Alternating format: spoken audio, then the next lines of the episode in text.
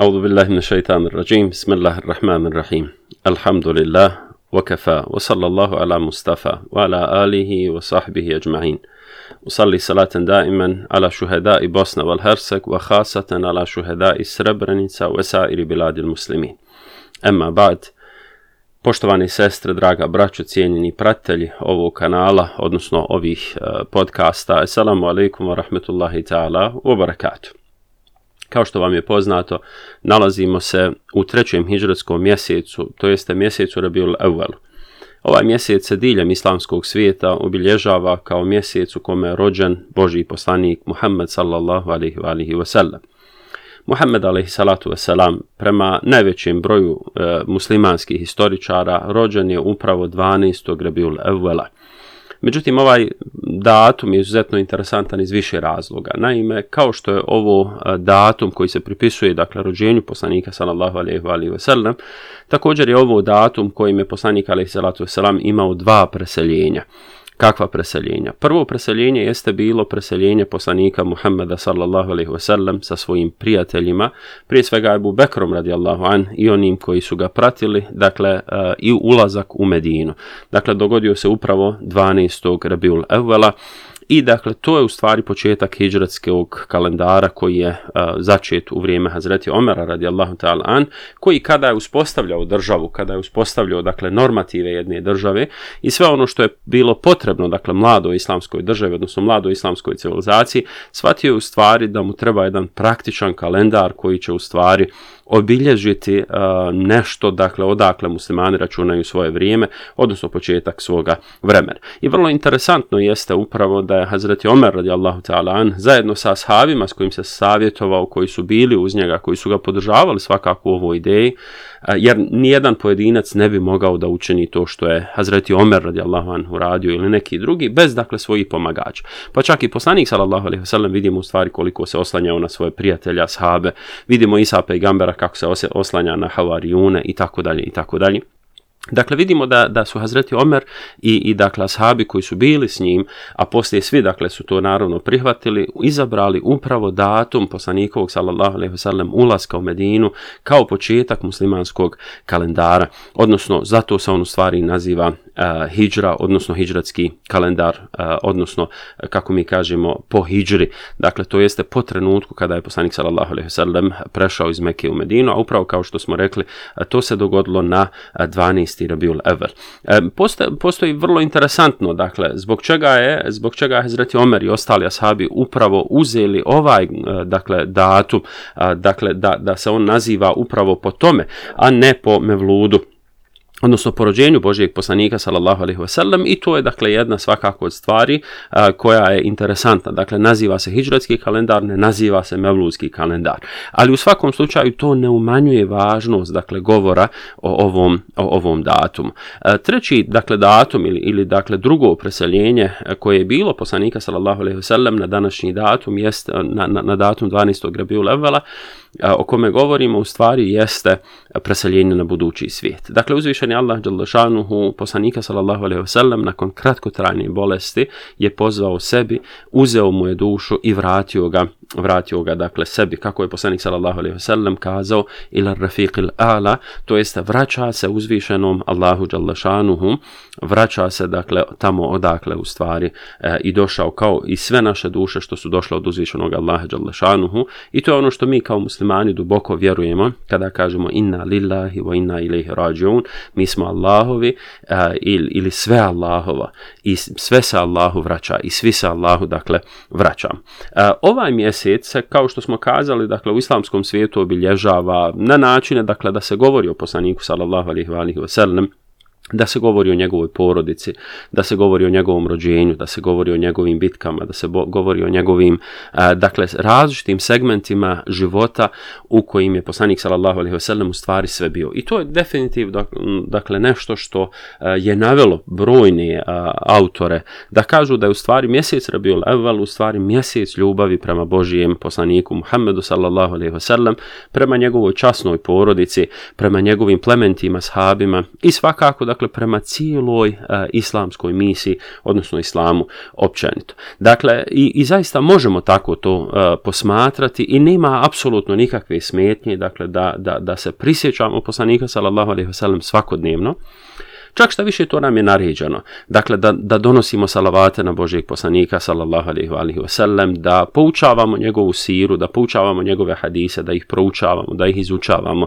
Ono što je još važnije, da izučavamo poruke tih hadisa i te sire i, i Kur'an Kerima, dakle, za naše sadašnje doba, činim se što nam posebno, što nam posebno nedostaje u ovom našem, u ovom našem turbulentnom vremenu. Naravno, odmah kada govorimo o mjesecu ljubavi prema poslaniku, sallallahu alaihi ne možemo da, da ne primijetimo jer moramo biti svjesni stvarnosti u kojoj živimo u stvari tog jednog velikog razdora koji je danas među muslimanima. Ne samo danas, on je, on je nažalost stoljećima prisutan u muslimanskoj historiji. I taj razdor je zaista dubok i taj razdor je zaista poguban za sve muslimane. I sve dok ne muslimani dakle, ne uvide pogubnost tog razdora, dakle, do tada ćemo imati ogromne probleme među muslimanima, imat ćemo među muslimansko proljevanje krvi, imat ćemo mržnju koja izbija među muslimanima. Tako da dakle da bi ovaj e, mjesec komutno se moglo e, nekima pripisati kao mjesec mržnje muslimana jedni e, prema drugima,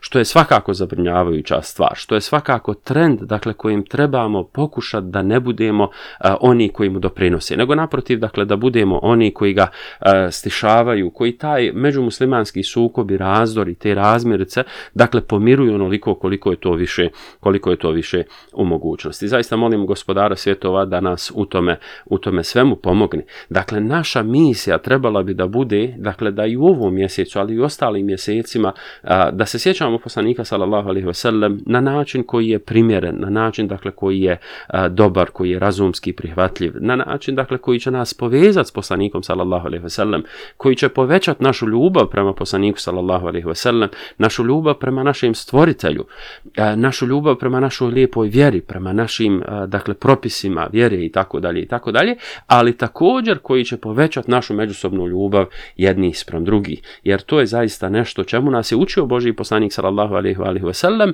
a dakle upozoravao nas je na sve ono što će biti suprotno suprotno toj e, ljubavi.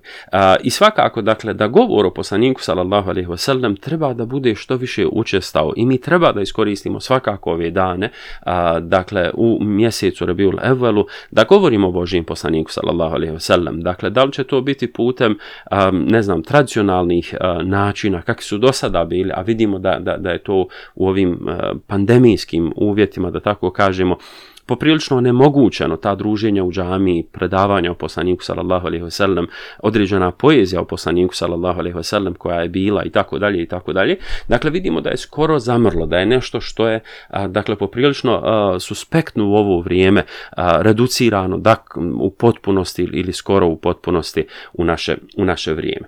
I zbog toga dakle mi trebamo iskoristiti i ove savremene medije što evo pokušavamo i na ovaj način da govorimo o poslaniku sallallahu sallallahu da govorimo o ljubavi prema poslaniku sallallahu alaihi da branimo čast Božijeg poslanika sallallahu alaihi wasallam na jedan lijep način, na jedan način koji priliči i poslaniku alaihi salatu wasallam, ali koji priliči i nama kao muslimanima. Dakle, svakako nije odbrana poslanika sallallahu alaihi psovanje drugih, vrijeđanje drugih, ubijanje drugih, mrcvarenje drugih, napad na tuđe, dakle, svetinje, tuđe ličnosti i tako dalje i tako dalje. To sigurno nije nešto čemu nas je učio Božji poslanik sallallahu alaihi wasallam. Naprotiv, dakle smatram da je najbolja odbrana poslanika sallallahu alaihi wasallam u stvari jedan lijep život kao onakav kakvog nam je preporučio Muhammed sallallahu alaihi wasallam.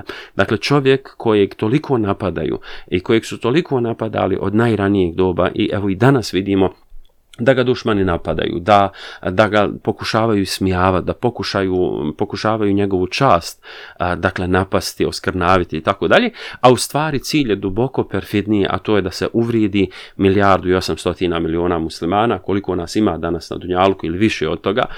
dakle, cilj je u stvari da se ti na neki način osjećaj muslimana poremeti, da se muslimani dovedu u stanje bijesa, da se muslimani okrenu protiv drugih i da bi na kraju ljudi imali argumente i kazali e vidite takvi su ti muslimani, e, vidite ti muslimani rade to i to, e vidite muslimani pale zastave, ubijaju ljude, e, rade e, to i to i tako dalje. Dok se u isto vrijeme prešućuju toliki zločini protiv islama i protiv muslimana kojim skoro cijeli svijet svjedoči, ali ne želi niko to da posvjedoči. Evo imamo prilik, prilike upravo da gledamo ova zaista nemila dešavanja u Francuskoj. Dakle, gdje je zaista došlo do jednog ubijstva čovjeka koji je učinio nešto što je svakako pogrešno, ali, ali dakle ono što se dogodilo svakako je zvijerstvo koje, koje treba osuditi, treba kazati da je to nešto što je apsolutno pogrešno. Dakle, i, i zaista, dakle, ubijstvo je loše, ubistvo je pogrešno, zato postoji sud, postoji način dokazivanja i u šarijatu i u općem zakon. Međutim, vidimo kada musliman e, je ta osoba koja je počinila neki zločin, on se automatski identifikuje kao terorista.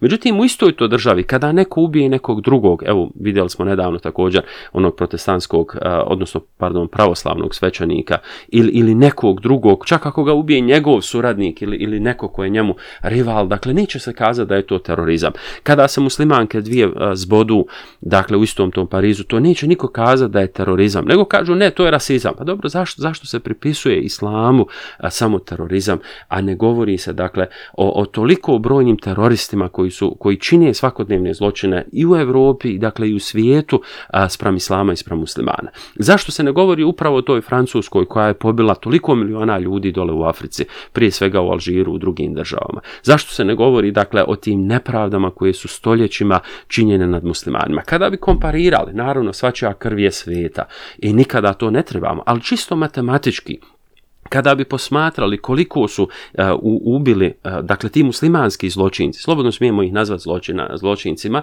koliko su ubili nevinih ljudi. I s druge strane, kada bi posmatrali koliko su, evo na primjer, Francuzi tokom historije poubijali muslimana, onda bi, dakle, ja mislim, kada bi do sudnjeg dana ubijalo se ne znam po koliko ljudi, dakle, ne bi mogli stići količuniti ti zločina, od kojih se čak nisu ljudi ni ogradili, pazite, nisu rekli, eh, znate, mi se izvinjavamo, pogrešno je to što smo mi radili i tako dalje Dakle, mi kao muslimani treba da u odbranu čas poslanika sallallahu alejhi kažemo da zločin je zločin bez obzira koga činio. Ako ga musliman čini, to je zločin, to je zločin. Dakle, ne smije musliman činiti zločine u ime poslanika sallallahu alejhi Ne smije činiti u ime Allaha, ne smije činiti u ime islama, ne smije činiti u ime nacije, u ime bilo koga. Dakle, tog čovjeka treba imenom i prezimenom nazvat zločincem, treba ga nazvati teroristom, treba ga nazvati onako dakle kako je adekvatno da se takva osoba nazove.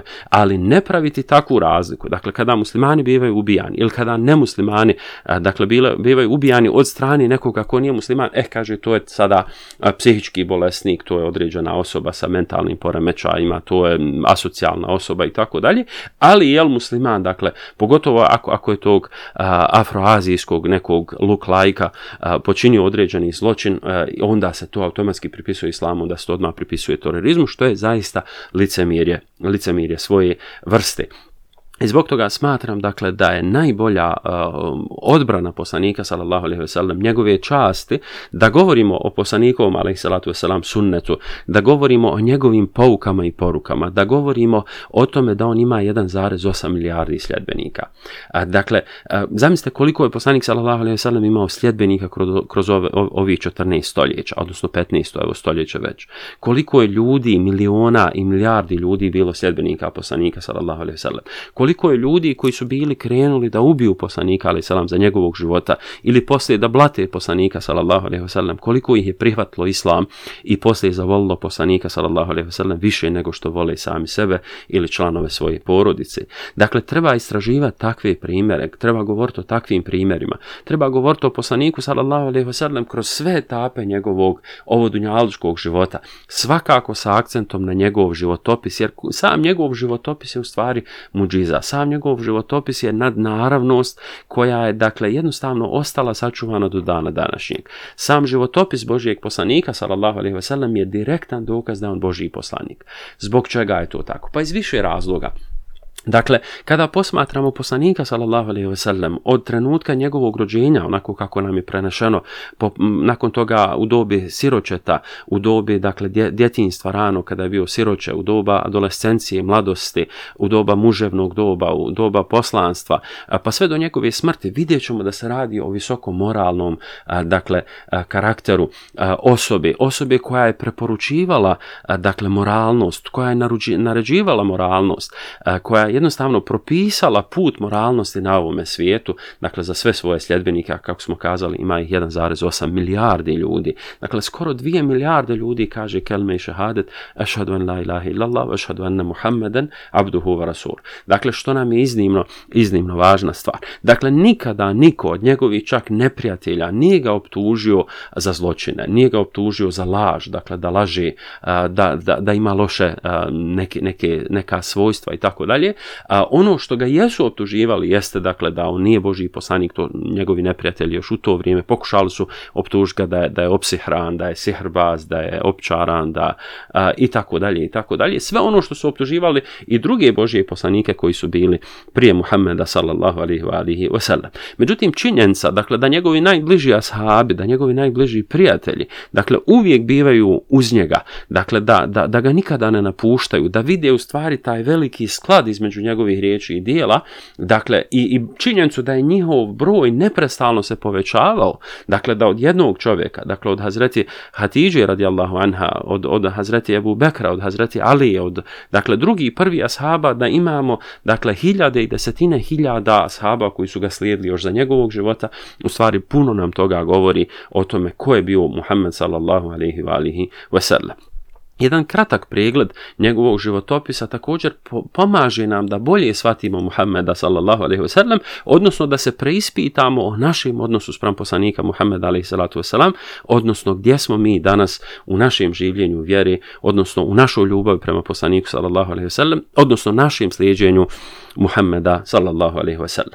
Ono što se uvijek ističe e, jeste u stvari poslanikova sallallahu alaihi wasallam doba e, djetinstva kada je bio siroće. Dakle, zaista poslanik sallallahu alaihi wasallam je rođen, e, dakle, a otac mu je već bio preselio uzvišenom Allahu Đalašanu, vratio se uzvišenom Allahu I ovdje ima jedna vrlo važna stvar, dakle, koju zaista trebamo priznati i koju na neki način su neki autori Mevluda ili drugih spjevova ili poezija zaista preuveličali, donijeli neke čudesne stvari koje ne odgovaraju historijskoj istini, dakle i jednostavno koje nisu tačne.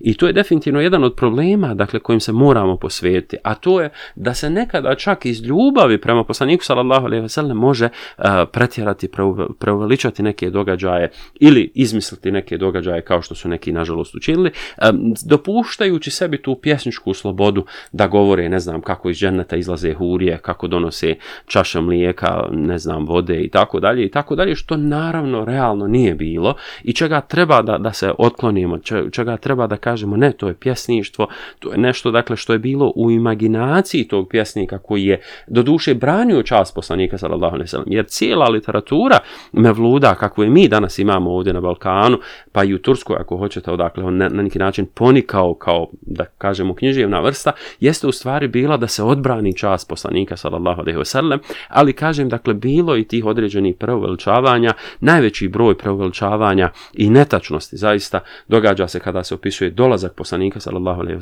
ve na ovaj svijet koji ima zaista neke stvari koji, kažem trebamo se ograditi, koji trebamo pokušati da izbacimo iz dakle tih naših recitala, iz naših spominjanja i tako dalje jer zaista ne odgovaraju ni historijskoj istini, ni vjerskoj istini i dakle mogu biti samo kontraproduktivni kao takvi. Međutim ono što dakle znamo jeste da poslanik sallallahu je rođen kao Deutsche Dakle, imao je samo majku, imao je djeda naravno kao zaštnika, kao muškog zaštnika, imao je u porodicu, odnosno Amidža i dakle druge članove porodice, jer kao što znamo, dakle, bilo je u to vrijeme porodično ustrojstvo i sve se je po porodicama na neki način poznavalo. Poslanik sallallahu alejhi kao siroće, kao siroće odrasta u Meki, u toj jednoj zdravoj sredini, jednoj bogatoj sredini, u jednoj sredini dakle gdje je imao određene stvari, ali šta nije imao? Nije imao dakle oca, dakle bio bio je siroče, bio je na neki način opečačen, bio je obilježen i drugo, interesantno da poslanik sa Salem nije imao formalno obrazovanje.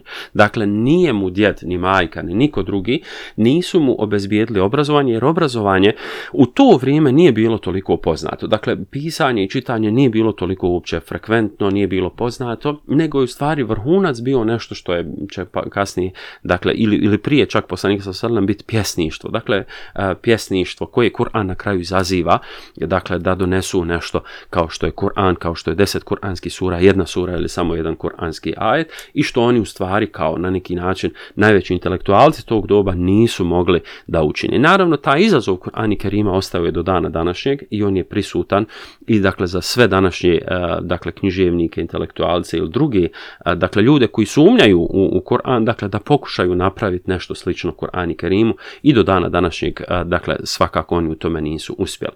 Poznanik sallallahu alejhi ve sellem dakle u tom eh, u toj adolescenciji ili mladosti također je eh, zabilježen kao osoba koja je bila el amin. Dakle osoba koja je bila koja je imala puno povjerenje svojih saplemenika, koji nikada nije dakle slagao, koji nikada nije varao, koji se nije opijao, koji nije živio nemoralnim životom. Dakle i to u doba kada, kada je doba adolescencije, doba mladosti koji na neki način kod svakog insana to najbujnije doba, to, to doba kada je insan naj podložniji dakle određenom djelovanju a, na neki način svog nefsa, svoje duše, svoje strasti i tako dalje i tako dalje. Međutim vidimo poslanika sallallahu alejhi ve sellem dakle da je bio sačuvan od, od svega toga što je bilo negativno. Poslanik sallallahu alejhi ve sellem je bio koristan član svoje zajednice. Dakle vidimo ga kao trgovca, dakle radi za druge ljude. Vidimo ga prije toga kao čobana, kao pastira, zarađuje, privređuje, pomaže i tako dalje i tako dalje. I uvijek ga možemo primijetiti dakle da je bio na korist i u korist drugih drugih ljudi. Poslanika sallallahu alejhi ve sellem možemo posmatrati kao supruga. Poslanik alejhi salati wa taslim se ženi sa Hazreti Hati Hadidžom radijallahu ta'ala anha ili ona se ženi s njim, dakle možemo kazati tako.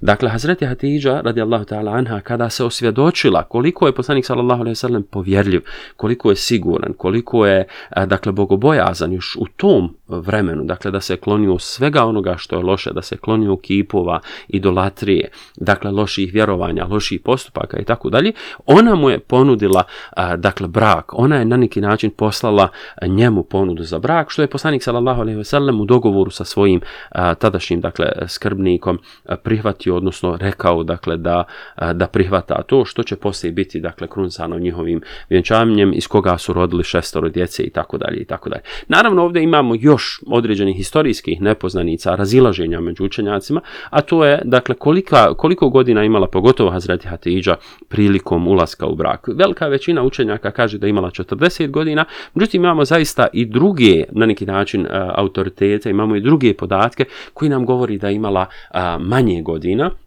Dakle, čak neki ističu da je imala svega 27, odnosno 28 godina, što u stvari nam govori da zaista po pitanju brojanja godina kod određenih asaba imamo nekada kontradiktorne podatke, imamo podatke koji, dakle, mogu se tumačiti na više načina ili im pristupiti na različite načine. Ali ono što je također jedan zaključak koji možemo donijeti u vezi toga, jeste da to u stvari nije toliko važno. Jer da je toliko važno, dakle, gospodar bi to ostavio zabilježeno u Korani Kerimu, ostalo bi, dakle, zabilježeno u vjerodostojnim hadisima i tako dalje, ali nažalost, dakle, dakle, ili nasreću čak slobodno smijemo kazati, to nam nije, nije ostavljeno.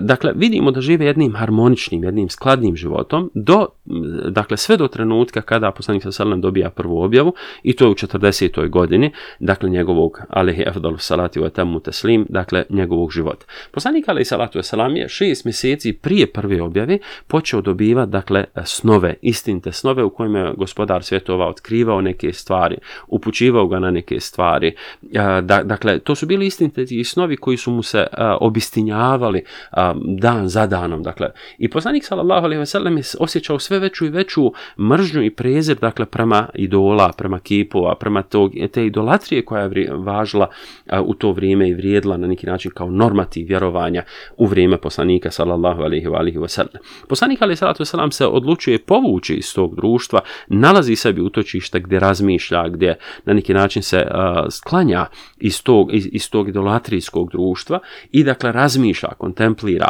dakle pokušava proniknuti u određene stvari i nalazi dakle najveće brdo, dolazi do najvećeg brda, nalazi jednu tu pećinu, pećinu Hira, u kojoj se dolazi, u kojoj dolazi dakle do prve objave kada mu je gospodar svjetova putem Meleka Džibrila u stvari poslao prvi kuranske riječi, odnosno pet prvih ajeta sure Iqra ili Alek dakle gdje uzvišeni Allah naređuje poslaniku sallallahu alaihi sallam da, da čita.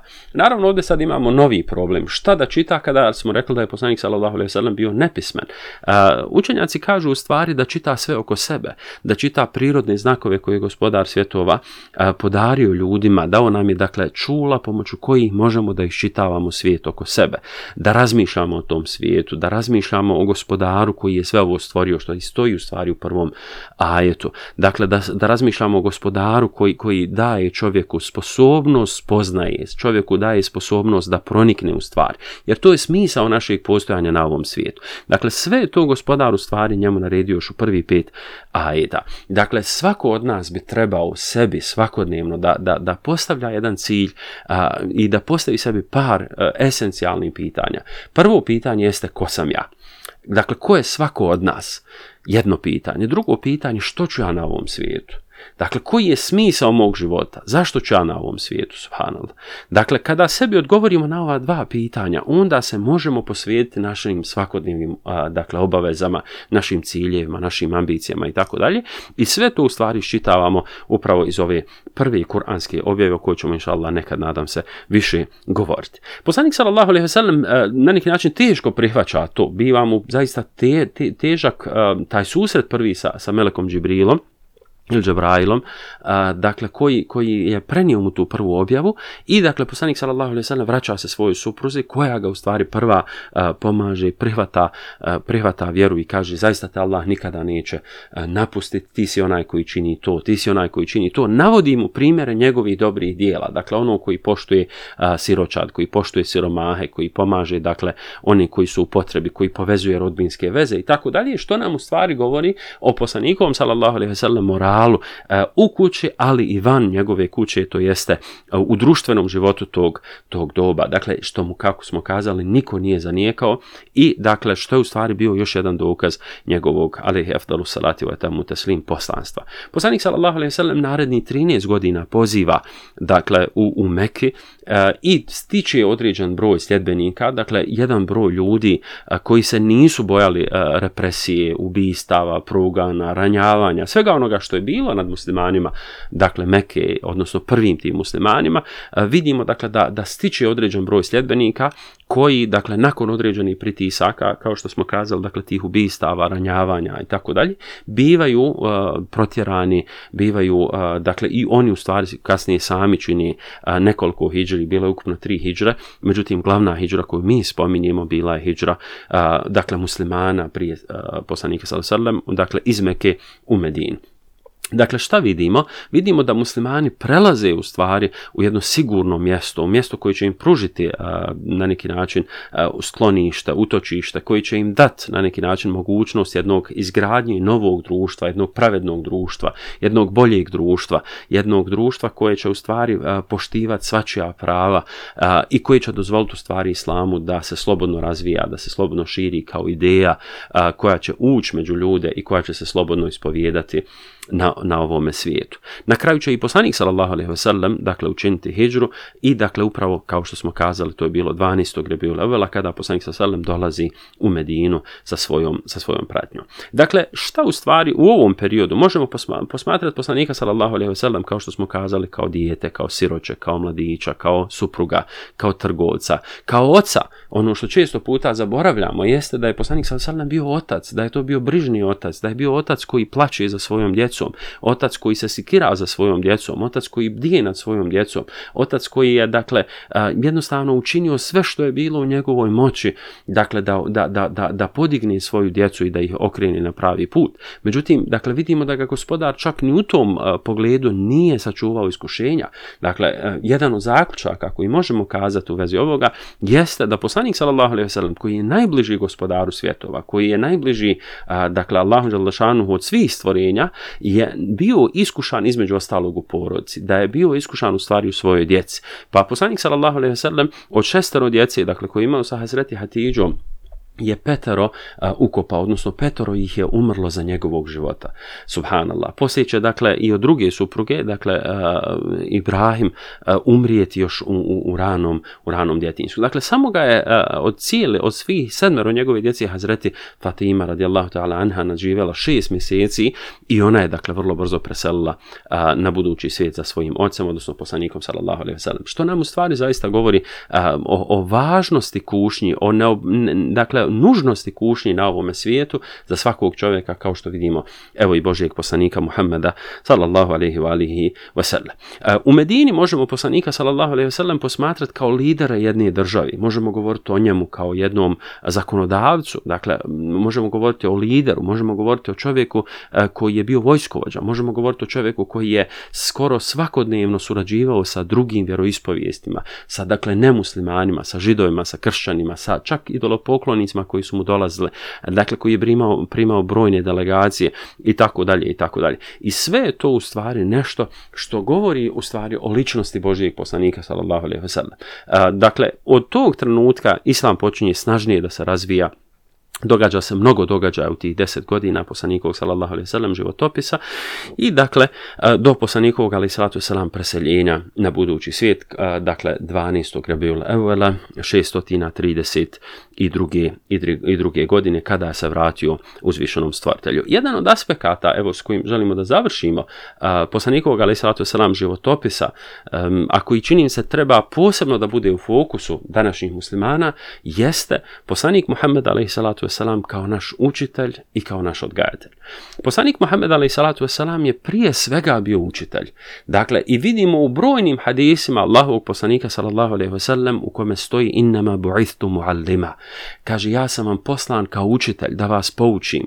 Dakle, da, da pouči ljude čemu? Čemu da nas pouči, subhanallah? Imamo odgovor u drugom hadisu. Innama bu'istu li utamima makarim Poslan sam, dakle, kao učitelj da poučim ljude plemenitim svojstvima. Da, i pleme, da oplemenim njihove duše, da oplemenim njihove ličnosti, da, up, da oplemenim njihove zajednice, njihova društva. Tako, dakle, da sve ono što je plemento, sve ono što je dobro, sve ono što je korisno, možemo svakako naći, dakle, tragove i osnove unutar životopisa poslanika Muhammeda sallallahu alaihi wasallam Možemo naći dakle preporuke u Kur'ani Kerimu, u Kur'ani Kerimu ili sunnetu Allahovog poslanika ali salatu selam za svako dobro pozitivno djelo dakle koje u stvari danas možemo karakterisati kao dobro, kao pozitivno i tako dalje.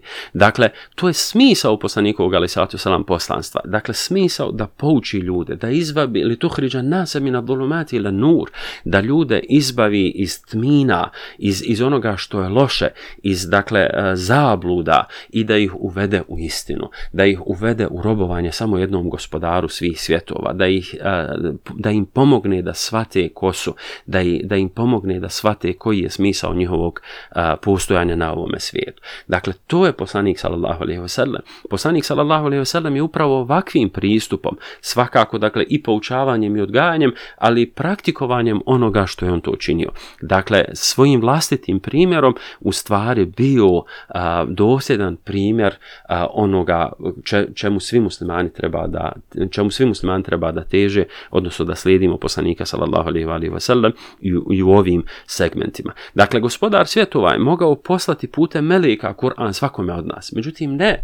Poslao je poslanika, dakle, poslanika od krvi i mesa da donese, prenese objavu, ali u isto vrijeme, dakle, da tu objavu, da je protumači i da, dakle, da je pokaže e, u praktičnom primjeru kako u stvari treba da se živi ta objava, odnosno da se živi po Kur'anu i da se živi po sunnetu poslanika sallallahu Ono što je upravo majka vjernika Hazreti Aisha radijallahu ta'ala anha kazala kada je kazala kana hulukuhul Kur'an. Dakle, huluk ili ahlak ili ponašanje ili moral poslanika sallallahu alejhi ve ili cijeli život Božijeg poslanika sallallahu alejhi ve u stvari je bio jedan otjelotvoreni Kur'an, jedan živi Kur'an, jedan Kur'an koji hoda, jedan Kur'an koji govori, jedan Kur'an dakle koji go, koji tumači Kur'an koji je objavljen. Dakle, to je naš Božji poslanik Muhammed sallallahu alejhi ve alihi I završćemo sa jednom kritikom.